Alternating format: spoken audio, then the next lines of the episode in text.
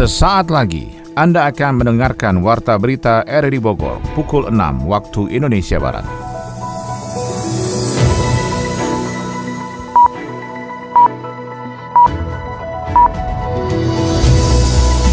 Selamat pagi dan salam jumpa. Kembali kami hadir dalam Warta Berita edisi hari ini, Rabu 8 Juni 2022.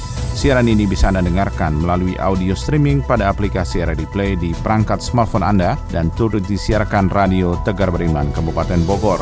Berikut kami sampaikan berita utama.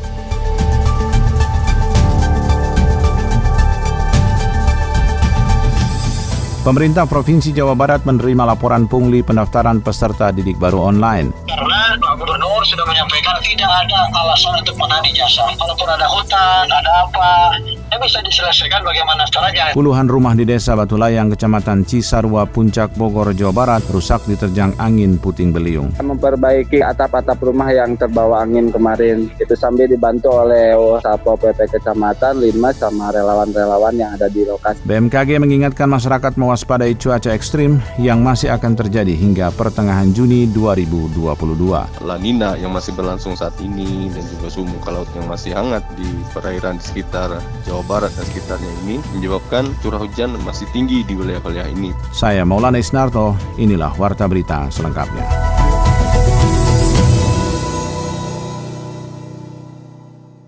Warga mulai memperbaiki puluhan rumah di Desa Batu Layang, Kecamatan Cisarua, Puncak Bogor yang rusak terkena angin puting beliung akibat cuaca ekstrim di kawasan itu. Laporannya disampaikan Yofri Haryadi. Kalau untuk puting beliung memang di sini memang setiap tahun selalu ada. Cuma kalau kemarin-kemarin, yang tahun-tahun kemarin, dan pernah juga terjadi tapi tidak sampai merusak rumah warga. Gitu. Memang potensi puting beliung selalu ada untuk wilayah kami yang ada di RW 03 ini. 64 rumah di Desa Batu Layang, Kecamatan Cisarua, Puncak Bogor menjadi korban menyebabkan ganasnya angin puting beliung akibat cuaca ekstrim di kawasan tersebut dan lokasi terbanyak berada di RW 3 Kampung Batu Kasur, Desa Batu Layang. Selasa pagi, Camat Cisarua Ivan Pramudia memastikan dari 64 rumah warga yang terdampak angin puting beliung, 6 rumah rusak parah pada bagian atapnya. Camat Cisarua mengatakan bantuan berupa asbes dan kebutuhan material seperti paku dan kaso sudah didatangkan untuk warga yang menjadi korban. Sudah penanganan beli material untuk rumah yang roboh, asbes segala macam dengan KD. Kemudian kita juga bawa bantuan dari Insos untuk didistribusikan ke masyarakat. Jadi ya penanganan sih sudah siap sudah semua kita laksanakan gitu. 64 yang data kita, 64 rumah desa Batu Layang aja. Rata-rata rumahnya bukan genteng ya, asbes. Asbesnya itu terbang gitu. Jadi ada yang asbesnya terbang, kemudian juga ada yang tembok pinggiran yang sudah keropos juga ada yang bol. Tapi hari ini kita coba distribusikan material untuk masyarakat yang untuk diperbaiki rumahnya. Hari ini juga sudah dicoba untuk bisa dikerjakan sama teman-teman. Sementara sih masih aman, tidak ada yang relokasi. Ada 600 lembar asbes dan 25 kg paku diberikan kepada keluarga yang yang rumahnya rusak akibat hantaman angin puting beliung itu. Kepala Desa Batu Layang Muhammad Iwan mengatakan jumlah korban ada 67 keluarga dari 2 RT di RW 3 desa tersebut. Lebih lanjut, Kepala Desa Batu Layang M. Iwan menambahkan untuk warga yang atap rumahnya rusak parah masih menempati rumah kerabat keluarga lainnya yang lebih aman. Untuk kerusakan rumah warga itu kurang lebih kan semuanya total 67 rumah warga, 67 dari 2 RT ya, RT 0 1 RW 03 dan RT 06 RW 03. Dan kondisi untuk masyarakat sekarang ini alhamdulillah memang kejadian kemarin tidak ada korban jiwa. Alhamdulillah cuman untuk warga masyarakat kami yang rumahnya rusak parah eh, sementara sekarang masih ngungsi di rumah sanak saudaranya. Sementara itu tim relawan Tagana Kabupaten Bogor Dedi Wahyudi memastikan seluruh warga sudah tertangani dan yang terpenting adalah kesigapan menghadapi cuaca buruk di Cisarua Bogor. Belum ada yang diungsikan Kang ya, cuman melihat kondisi aja kalau cuacanya bagus ini mereka masih standby di rumah sambil memperbaiki rumah-rumahnya atap-atap rumah yang rusak akibat puting beliung. Untuk koordinasi sekarang sedang dikelola oleh pihak desa untuk poskonya Kang. Ya memperbaiki atap-atap rumah yang terbawa angin kemarin. Itu sambil dibantu oleh Satpol PP Kecamatan, Lima sama relawan-relawan yang ada di lokasi gitu Kang. Bencana puting beliung beliung biasanya mengawali sesaat sebelum turunnya hujan deras di wilayah lembah di Desa Batulayang, Kecamatan Cisarua, Kabupaten Bogor. Upaya mitigasi bencana angin puting beliung diakui Kepala Desa Batulayang cukup sulit karena padatnya pemukiman warga di satu lokasi dengan kontur yang mendatar. Lalu bagaimana tanggapan warga dengan bencana yang terjadi di wilayahnya? Kita akan ikuti pendapatnya kepada RRI. Secara pribadi atas nama warga Desa Batulayang, saya merasa sangat prihatin ya saudara-saudara saya, tetangga dan kerabat yang pada saat ini tengah eh, terkena musibah yang mudah-mudahan Allah berikan kekuatan, Allah berikan kesabaran eh, sehingga apa-apa yang telah menimpa daripada sekian warga Desa Batulayang menjadi bahan evaluasi sekaligus mengambil hikmah dari apa yang mestinya dilakukan. Terjadinya puting beliung ini adalah merupakan musibah alam karena kalaupun BMKG sudah mengetahui bahwa akan terjadi puting beliung di wilayah puncak Cisarua khususnya di Desa Batulayang, tentunya warga termasuk saya dalam hal ini tidak pernah eh, menganalisa atau membaca secara detail pengumuman-pengumuman yang disampaikan oleh BMKG. Kalau pendapat pribadi sih ya, apa yang terjadi saat ini ya dengan adanya perubahan yang baru terjadi di wilayah kawasan puncak terutama ya, terutama Cisarua. Ya, faktor pertama ya itu ya pembukaan lahan-lahan pariwisata kayak off-road, kayak tempat camping ground atau tempat wisata-wisata lain ya. Yang awal mulanya puncak itu nggak ada banjir, terjadilah banjir, banjir bandang, banjir setiap di kali Ciliwung atau Cieseknya, Cibirunya. Puting beliung terjadi sebenarnya faktor kenapa sih? Pembukaan lahan juga dong. Terjadi lembah yang tadinya pohon-pohon banyak, pohon-pohon itu tebangin, akhirnya kan di pergeseran angin dari lembah di atas gunung ke lembah kan gitu. Yang dulu-dulu kawasan puncak tuh asri segala macam. Sekarang PTPN Gunung Mas banyak lagi membuka KSO, KSO, KSO pada beberapa pihak, beberapa pihak ya. Itu kenapa sih kenapa ya pihak-pihak terkait? Kita masyarakat cuma hanya sudah mengamati. Batu Layang ini sebenarnya bukan wilayah yang sering terkena bencana angin puting beliung. Di situ menyaris jarang. Sebenarnya di situ tuh lebih ke apa ya? Pernah juga beberapa kali longsor untuk puting beliung ini pertama kali kejadian di Desa Batu Layang itu. Mungkin karena cuacanya ekstrim ya. Pertama kali kalau di Batu Layang tuh puting beliung. Puting beliung tuh biasanya daerah-daerah Cipayung, Megamendung itu tuh ada. Kalau Cisarua tuh Citeko paling puting beliung tuh. Setahu saya kalau Batu Layang tuh nggak pernah. Puting beliung yang kali ini di Batu Layang ini baru kali ini. Biasanya itu hanya angin-angin biasa aja. Nggak sampai seperti ini. Ini kita di lembah juga maksimalnya mah nggak sampai kayak gitu. Kebetulan saya sendiri enggak ya. Tempat-tempat kita semalam rumah saya enggak. Cuman kalau di bilangannya warganya di sana saya belum tahu. Biasanya asbesnya rapuh atau dia pakai genteng ini. Genteng apa namanya seng itu. Kalau yang rumah-rumah udah biasa pakai genteng-genteng uh, yang sekarang-sekarang itu kayaknya enggak ya. Untuk mengetahui lebih jauh mengenai kondisi cuaca ekstrim yang mengakibatkan sejumlah bencana alam di kawasan Bogor, kita akan ikuti wawancara Adi Fajar Nugraha dengan Kepala Stasiun Klimatologi Bogor, Indra Gustari. Pak Indra, Gimana Pak? kalau Ya, kita Pak. ngelihat fenomena hujan yang akhir-akhir ini kan terjadi nih di wilayah Bogor, di Ya, Pak. Jabodetabek bahkan kayaknya merata. Terus intensitasnya juga kayaknya cukup tinggi Pak Indra di sore ke malam harinya Pak Indra. Sebenarnya Ya. kalau dari pengamatan BMKG sendiri kondisi cuaca kita saat ini seperti apa sih Pak? Baik, makasih Pak.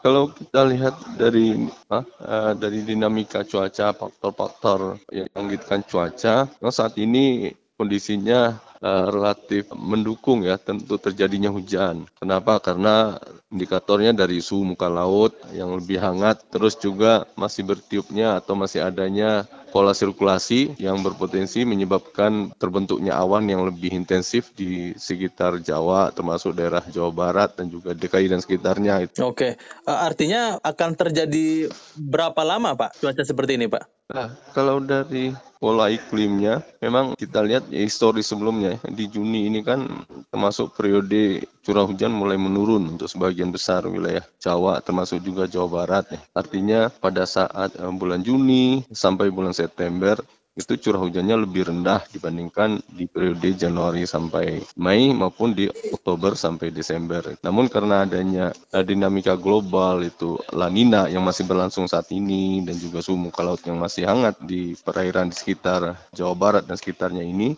menyebabkan uh, curah hujan masih tinggi di wilayah-wilayah ini. Hmm, oke. Okay. Uh, artinya sebenarnya kita ini sudah melewati puncak musimnya, Pak ya, sebenarnya Pak ya? Secara klimatologis hmm. itu menurun ya. Kalau kita rata-rata 30 tahun, periode hmm. Juni September itu adalah periode curah hujannya rendah. Namun demikian, karena masih hangatnya muka laut dan juga ada faktor global tadi yang menyebabkan potensi hujannya masih ada. Artinya kalau kita dibandingkan dengan rata-rata 30 tahun atau normalnya atau biasanya itu, periode musim kemarau kita tahun 2022 ini cenderung lebih basah. Jadi walaupun kemarau tetapi hujannya lebih tinggi dibandingkan periode kemarau sebelumnya atau rata-ratanya. Kalau ya, kalau untuk Bogor, kalau untuk detail untuk Bogor, saat ini untuk Bogor bagian timur laut yang berbatasan dengan Depok itu ya, dan uh, Karawang ya, itu yang di selatan itu ya selatan Karawang atau berbatasan dengan Depok atau berbatasan dengan DKI hmm. itu sudah masuk musim kemarau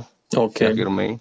Terus demikian juga di uh, Bogor bagian selatan ini itu kita prediksi akan mulai masuk kemarau di bulan Juni ini. Sedangkan yang Bogor uh, bagian utara yang berbatasan dengan uh, Bekasi ya bega, tetapi bagian timur utara tetapi yang sisi timurnya hmm. itu juga uh, sudah masuk musim uh, kemarau. Hmm. Artinya curah hujannya sudah uh, lebih rendah dibandingkan 50 mm dalam uh, 10 hari tercapai kriteria itu. Ini juga yang menjadi perhatian bahwa kemarin ini ada bencana angin puting beliung Pak di wilayah hmm. Cisarua. Apakah ini ya. memang sebagai dampak dari pengaruh pengaruh cuaca yang tadi Pak Indra sampaikan Pak di Bogor ini Pak? Ya kalau angin puting beliung biasanya ini kan uh, akibat adanya apa uh, pemanasan atau aktivitas konveksi yang kuat dan ini uh, dominan atau frekuensinya tinggi itu pada periode-periode transisi artinya antara musim kemarau ke musim hujan atau dari musim hujan ke musim kemarau.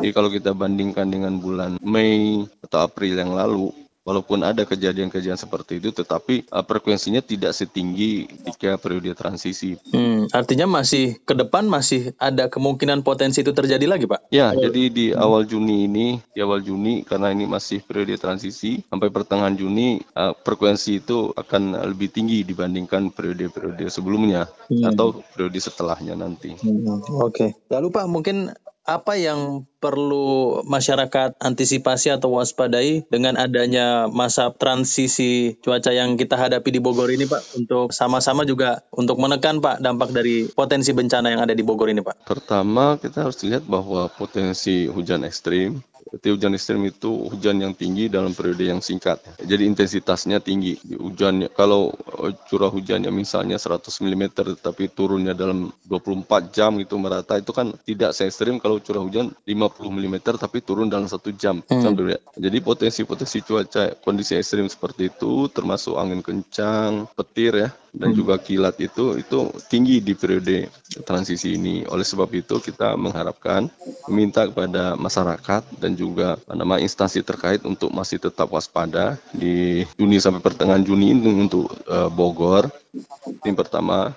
Yang kedua uh, tetap mem memantau perkembangan atau perkembangan cuaca yang sering atau kita uh, rilis dari BMKG baik itu uh, langsung ke kantor BMKG terdekat maupun melalui aplikasi info BMKG. Jadi BMKG biasanya mengupdate potensi ekstrimnya walaupun kita menyediakan informasi pada skala harian, hmm. skala sampai tiga hari tujuh hari ke depan. Tetapi untuk pola-pola ekstrim yang seperti angin puting beliung itu itu terpantau atau terdeteknya itu pada periode dua jam atau tiga jam sebelum kejadian itu biasanya kita pantau dari radar cuaca. Oke, Pak sedikit tambahan Pak, wilayah mana di Bogor ini yang menjadi potensi tinggi Pak terhadap terjadinya bagian, cuaca ekstrim dari Pak? Uh, kalau untuk Bogor ini kita bagian selatan dan juga bagian tengahnya Pak. Jadi okay. Kalau kita secara spasial ya, mm-hmm. karena daerah-daerah yang bagian utara baik itu yang berbatasan dengan Depok maupun yang berbatasan dengan Bekasi itu kan sudah masuk musim kemarau. Hmm. Walaupun potensinya ada kondisi hujan ekstrim yang periode singkat, tetapi tidak setinggi di bagian tengah dan selatan. Jadi hmm. daerah-daerah inilah yang saya lihat potensinya lebih tinggi dibandingkan wilayah-wilayah utara dari Bogor ini. Pak Indra, terima kasih ya. Pak Indra atas Sama informasinya. Mudah-mudahan menjadi perhatian juga bagi masyarakat kita untuk mewaspadai adanya potensi cuaca buruk Pak yang di Bogor Pak ya. Baik, sama-sama Pak. Terima kasih Pak Indra. Assalamualaikum. Waalaikumsalam. Halo Dit, aku kangen banget sama kamu. Ketemuan yuk. Sorry banget, aku ada meeting di kantor sampai malam. Oh, gitu. Halo, lah. Halo Dita, aku mau ngajakin kamu liburan bareng weekend ini. Bisa nggak? Kayaknya nggak bisa deh. Aku tuh ada deadline laporan sampai minggu depan. Oh, gitu ya. Dita itu sahabatku. Kami sangat akrab dari kecil sampai lulus kuliah. Tapi semua berubah. Belakangan ini dia sangat sibuk dengan pekerjaannya. Sampai suatu hari... Lah, aku di PHK. Kok bisa? Ada pengurangan pegawai di tempat kerjaku. Aku butuh teman cerita. Kamu ada waktu nggak lah? Oke, oke, oke. Hari ini kita akan ketemu. Dan pas banget nih, tante aku juga lagi nyari pegawai. Mungkin nanti bisa kita obrolin ya? Alhamdulillah, makasih banget ya lah. Kamu memang sahabat terbaik aku. Jangan khawatir ya. Bagiku, apa pun masalahnya, bukti nyata dari persahabatan, kita tidak akan meninggalkan dan membiarkannya dalam kesusahan.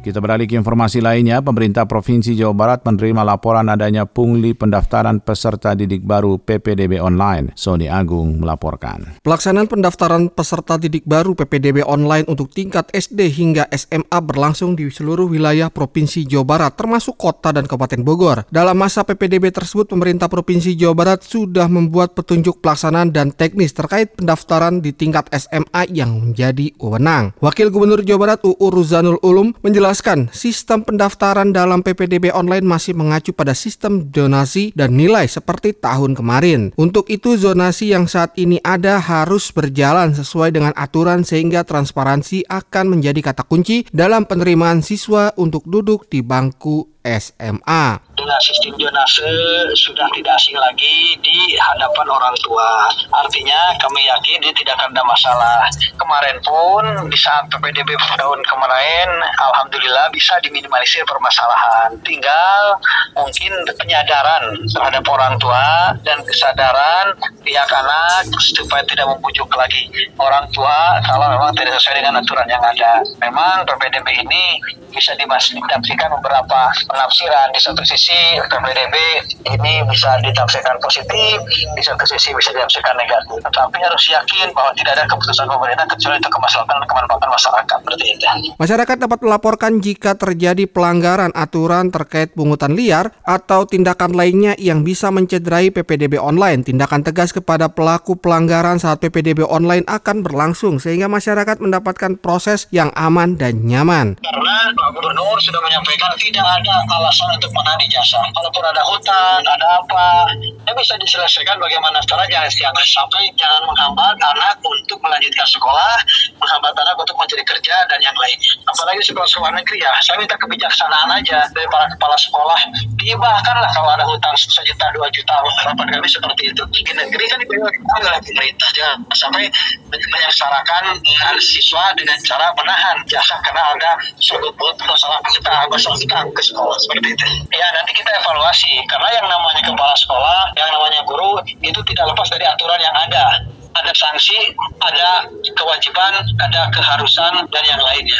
Dalam sebuah organisasi dan dalam sebuah kelembagaan pasti seperti itu adanya. Apalagi ini ASN ya, apalagi ini sekolah, kelembagaan yang sudah hidup normal di negeri ini. Sistem PPDB online akan berlangsung dalam dua tahap melalui jalur prestasi Japres dan jalur jonasi yang sudah ditentukan tanggalnya, sehingga calon siswa yang akan mendaftar bisa menghubungi sekolah asal untuk mendaftarkan diri ke sekolah tujuan. Pengembangan kawasan di selatan Kabupaten Bogor menjadi harapan baru bagi terciptanya kesejahteraan masyarakat dan sumber pemasukan daerah. Yofri Haryadi menyampaikan informasinya. Pengembangan kawasan di selatan Kabupaten Bogor menjadi harapan baru bagi terciptanya kesejahteraan masyarakat dan sumber pemasukan daerah. Salah satunya adalah rencana dibukanya akses jalan dari keluar pintu tol Bocimi di Kecamatan Caringin menuju Cianjur dengan membelah bukit di Gunung Gede Pangrango. PLT Bupati Bogor Iwan Setiawan mengungkapkan macetnya puncak Bogor setiap libur akhir pekan adalah karena masyarakat datang berwisata. Adapun jika dibuka akses jalan baru dari Caringin ke Cianjur, alasan utamanya adalah membangun fasilitas dan objek wisata. Pengurai macet ya, pengurai macet dan mungkin puncak. Sebenarnya puncak dua itu itu. Jadi menurut saya sih Caringin Cianjur itu melewati puncak. Ya mudah-mudahan dengan ada dibangun itu, bukan hanya dibangun kalau harapan saya. Tapi juga ada destinasi wisata baru. Eh, kita mengurai macet itu sebabnya apa? Kan sebabnya pak pariwisata. Kalau ini jalan dibuka, juga sebetulnya kan orang itu bukan mau ke Cianjur lewat Jakarta, lewat Bogor, bukan. Orang ke puncak itu mau wisata. Rencana tersebut akan dieksekusi dalam bentuk visibility study oleh Kementerian PUPR pada 2023 dan dilanjutkan pada detail engineering design tahun 2024. Tentunya masih harus melewati tahapan dan proses yang panjang, termasuk pembebasan lahannya. Lebih lanjut, PLT Bupati Bupati Bogor mengisyaratkan pembangunan ruas jalan itu pun selaras dengan kawasan ekonomi khusus wisata milik MNC Lido Cigombong Bogor. Akan terurai gitu karena sama juga alam alamnya dari Caringin. Ke Cianjur kan melewati Gunung Gede ya Gunung Gunung Gede Pangrango. Yang mungkin jadi destinasi wisata. Itu harapan kalau memang dijadi itu kan masuk dalam wilayah KEK Lido dan saya sih positifnya harus, harus ada nilai ekonomis kalau memang dibangun dari Caringin Cianjur. Dan itu nanti dikajinya oleh pihak kementerian dan DLH ya. Nantinya jika ruas jalan tersebut realisasi, wisatawan atau orang yang menuju kawasan Puncak Bogor dapat melalui jalan tol Caringin Cianjur. Mereka dapat langsung menuju exit tol di Gunung Mas, Cisarua dan menghindari kemacetan di Megamendung. Ratusan orang mengikuti aksi donor darah yang digelar Polresta Bogor Kota dalam rangka HUT Bayangkara ke-72 dan Hari Jadi Bogor ke-540.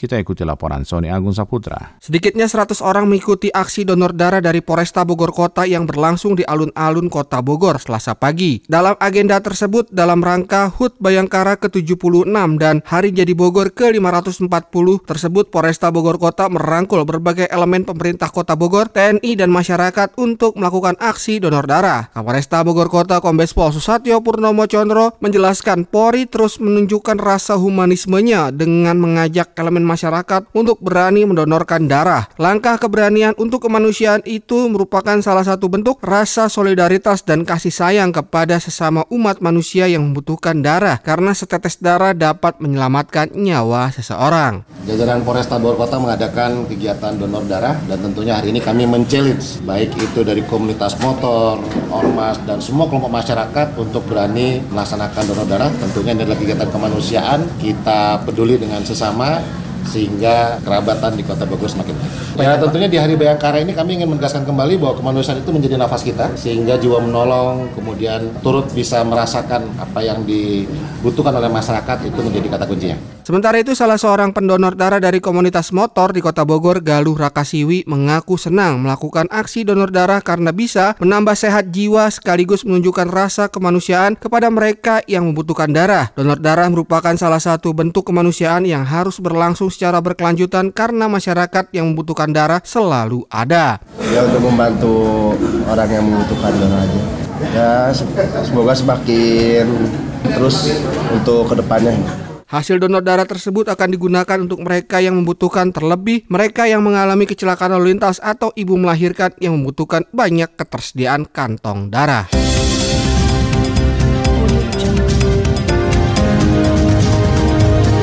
Anda tengah mendengarkan Warta Berita RRI Bogor. Dari dunia ekonomi, pemerintah memastikan tarif listrik 3000 volt ampere ke atas akan naik. Indonesia bersiap menggantikan Malaysia ekspor ayam ke Singapura. Kita akan ikuti info ekonomi bersama Adi Fajar Nugraha. Menteri Energi dan Sumber Daya Mineral ESDM Arifin Tasrif memastikan tarif listrik 3000 volt ampere ke atas akan naik. Meski demikian, ia belum membeberkan berapa besaran kenaikan tarif listrik tersebut. Ketika ditanya berapa kenaikannya, Arifin menyebut harus dikonfirmasi angka pastinya ke Dirjen Ketenaga Listrikan Rida Mulyana. Untuk diketahui saat ini terdapat 37 golongan tarif di mana 13 golongan di antaranya menerapkan mekanisme tarif adjustment atau non-subsidi. Pemerintah secara berkala menyesuaikan menimbang sejumlah indikator makro seperti kurs, Indonesian crude price, inflasi, dan harga patokan batu bara. Namun pemerintah menahan penyesuaian tarif listrik sejak tahun 2017. Sementara itu Wakil Ketua Komisi 7 DPR RI Edi Suparno mengatakan pelanggan golongan 3000 volt ampere ampere ke atas bukanlah golongan yang mendapat subsidi. Maka itu sudah selaiknya pelanggan ini mendapat tarif listrik sesuai dengan harga keekonomian. Pihaknya mendukung rencana tersebut. Namun Edi juga mengingatkan pemerintah terkait dampak kenaikan tarif ini khususnya inflasi. Jika dirasa inflasi bisa diminimalisir, maka kenaikan tarif listrik bisa dilaksanakan. Singapura krisis daging ayam. Kondisi ini terjadi setelah Malaysia menghentikan ekspor ayamnya. Indonesia pun tidak tinggal diam, membiarkan kesempatan emas itu merebut pangsa pasar ayam Malaysia di Singapura. Kementerian Pertanian menyatakan sedang melakukan lobi-lobi dengan pemerintah Singapura untuk ekspor ayam. Indonesia mulai bersiap untuk menggantikan Malaysia menjadi eksportir ayam ke negeri Singa. Menurut Dirjen Peternakan dan Kesehatan Hewan Kementerian Pertanian, Nasrullah, saat ini tengah dilakukan pembahasan secara government to government dan para paralel dengan pembicaraan secara bisnis to bisnis. Nasrullah menyatakan saat ini pihaknya sedang melakukan pembicaraan teknis persyaratan kesehatan hewan dan lain sebagainya. Namun ia belum mau membeberkan berapa banyak potensi ekspor ayam yang akan dilakukan ke Singapura. Sebelumnya Malaysia melarang ekspor ayam sebanyak 3,6 juta ekor per 1 Juni 2022. Alasannya untuk meningkatkan pasokan di dalam negeri dan menahan lonjakan harga. Singapura sendiri menggantungkan kebutuhan ayamnya dari Malaysia. Sepertiga unggas di sana diimpor dari Malaysia. Di lain pihak, peternak ayam di Indonesia yakin bisa menjadi pahlawan bagi Singapura untuk memenuhi kebutuhan pasokan unggasnya. Menurut Paguyuban Peternak Rakyat Nusantara (PPRN), pasokan ayam di Indonesia melimpah dan cenderung mengalami kelebihan alias oversupply. Ketua PPRN Alvino Antonio mengatakan, oversupply ayam di Indonesia yang mencapai 30 juta ekor per minggunya. Artinya kalau sebulan ada 4 minggu, kurang lebih pasokan ayam Indonesia mencapai 120 juta ekor per bulannya. Hal inilah yang perlu dimaksimalkan untuk potensi potensi pasar ekspor ke Singapura. Dari dunia olahraga, Timnas akan memulai perjuangan di kualifikasi Piala Asia 2023 dengan menghadapi tuan rumah Kuwait. Persikabo 1973 mendatangkan pemain asing baru asal Jepang. 60 peserta mengikuti FDR Skateboard League di Kota Bogor. Kita ikuti laporan olahraga bersama Ermelinda.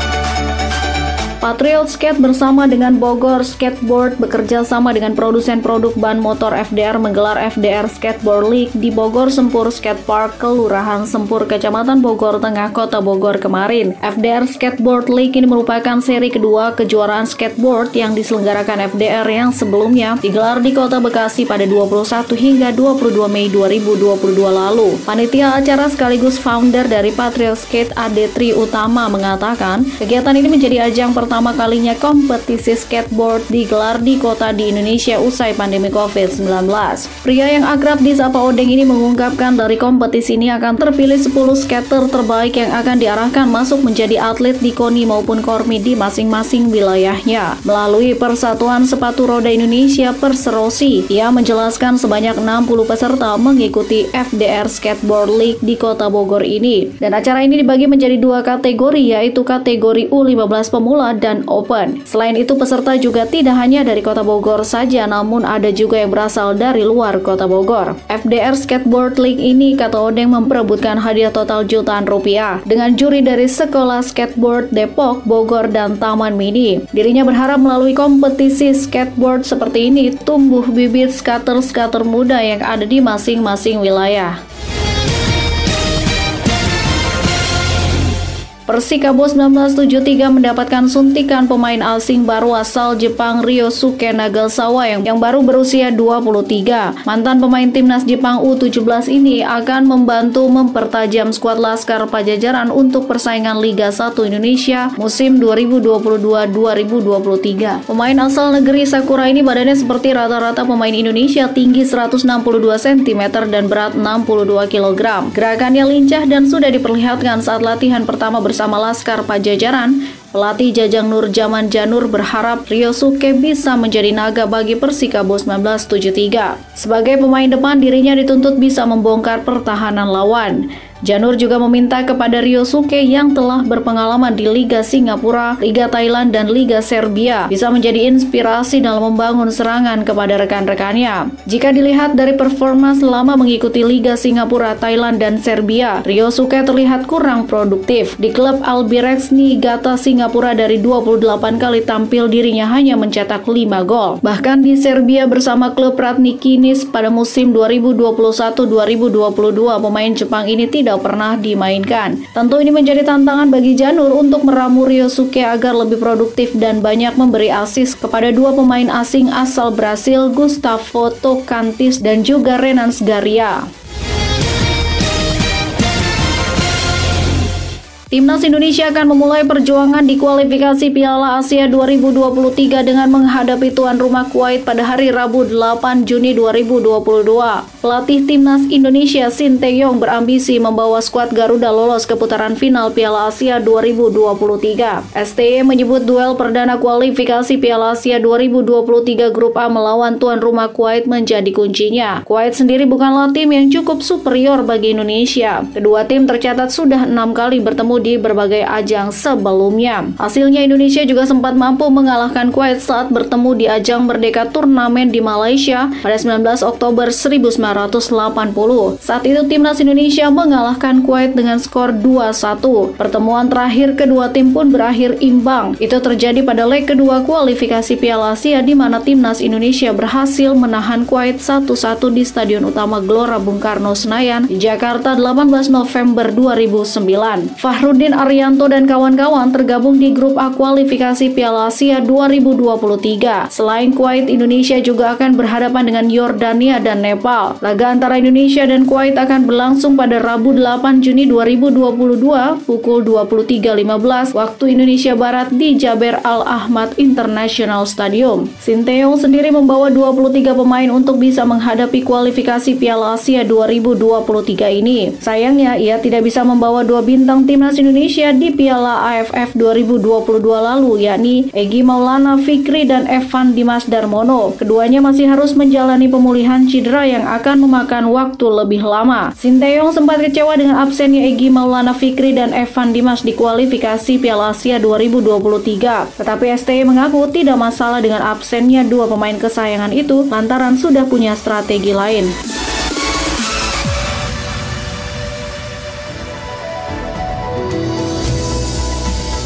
Demikian rangkaian informasi yang kami hadirkan dalam Warta Berita di edisi hari ini. Sebelum berpisah, kami kembali sampaikan berita utama.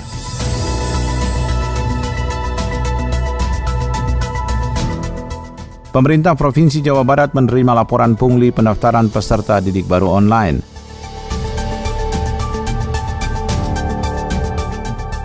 Puluhan rumah di Desa Batu Layang, Kecamatan Cisarua, Puncak Bogor, Jawa Barat rusak diterjang angin puting beliung.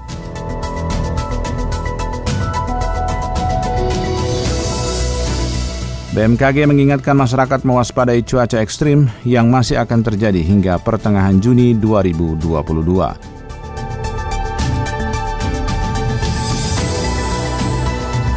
Mewakili kerabat kerja bertugas, saya Maulana Estarto mengucapkan terima kasih. Selamat pagi.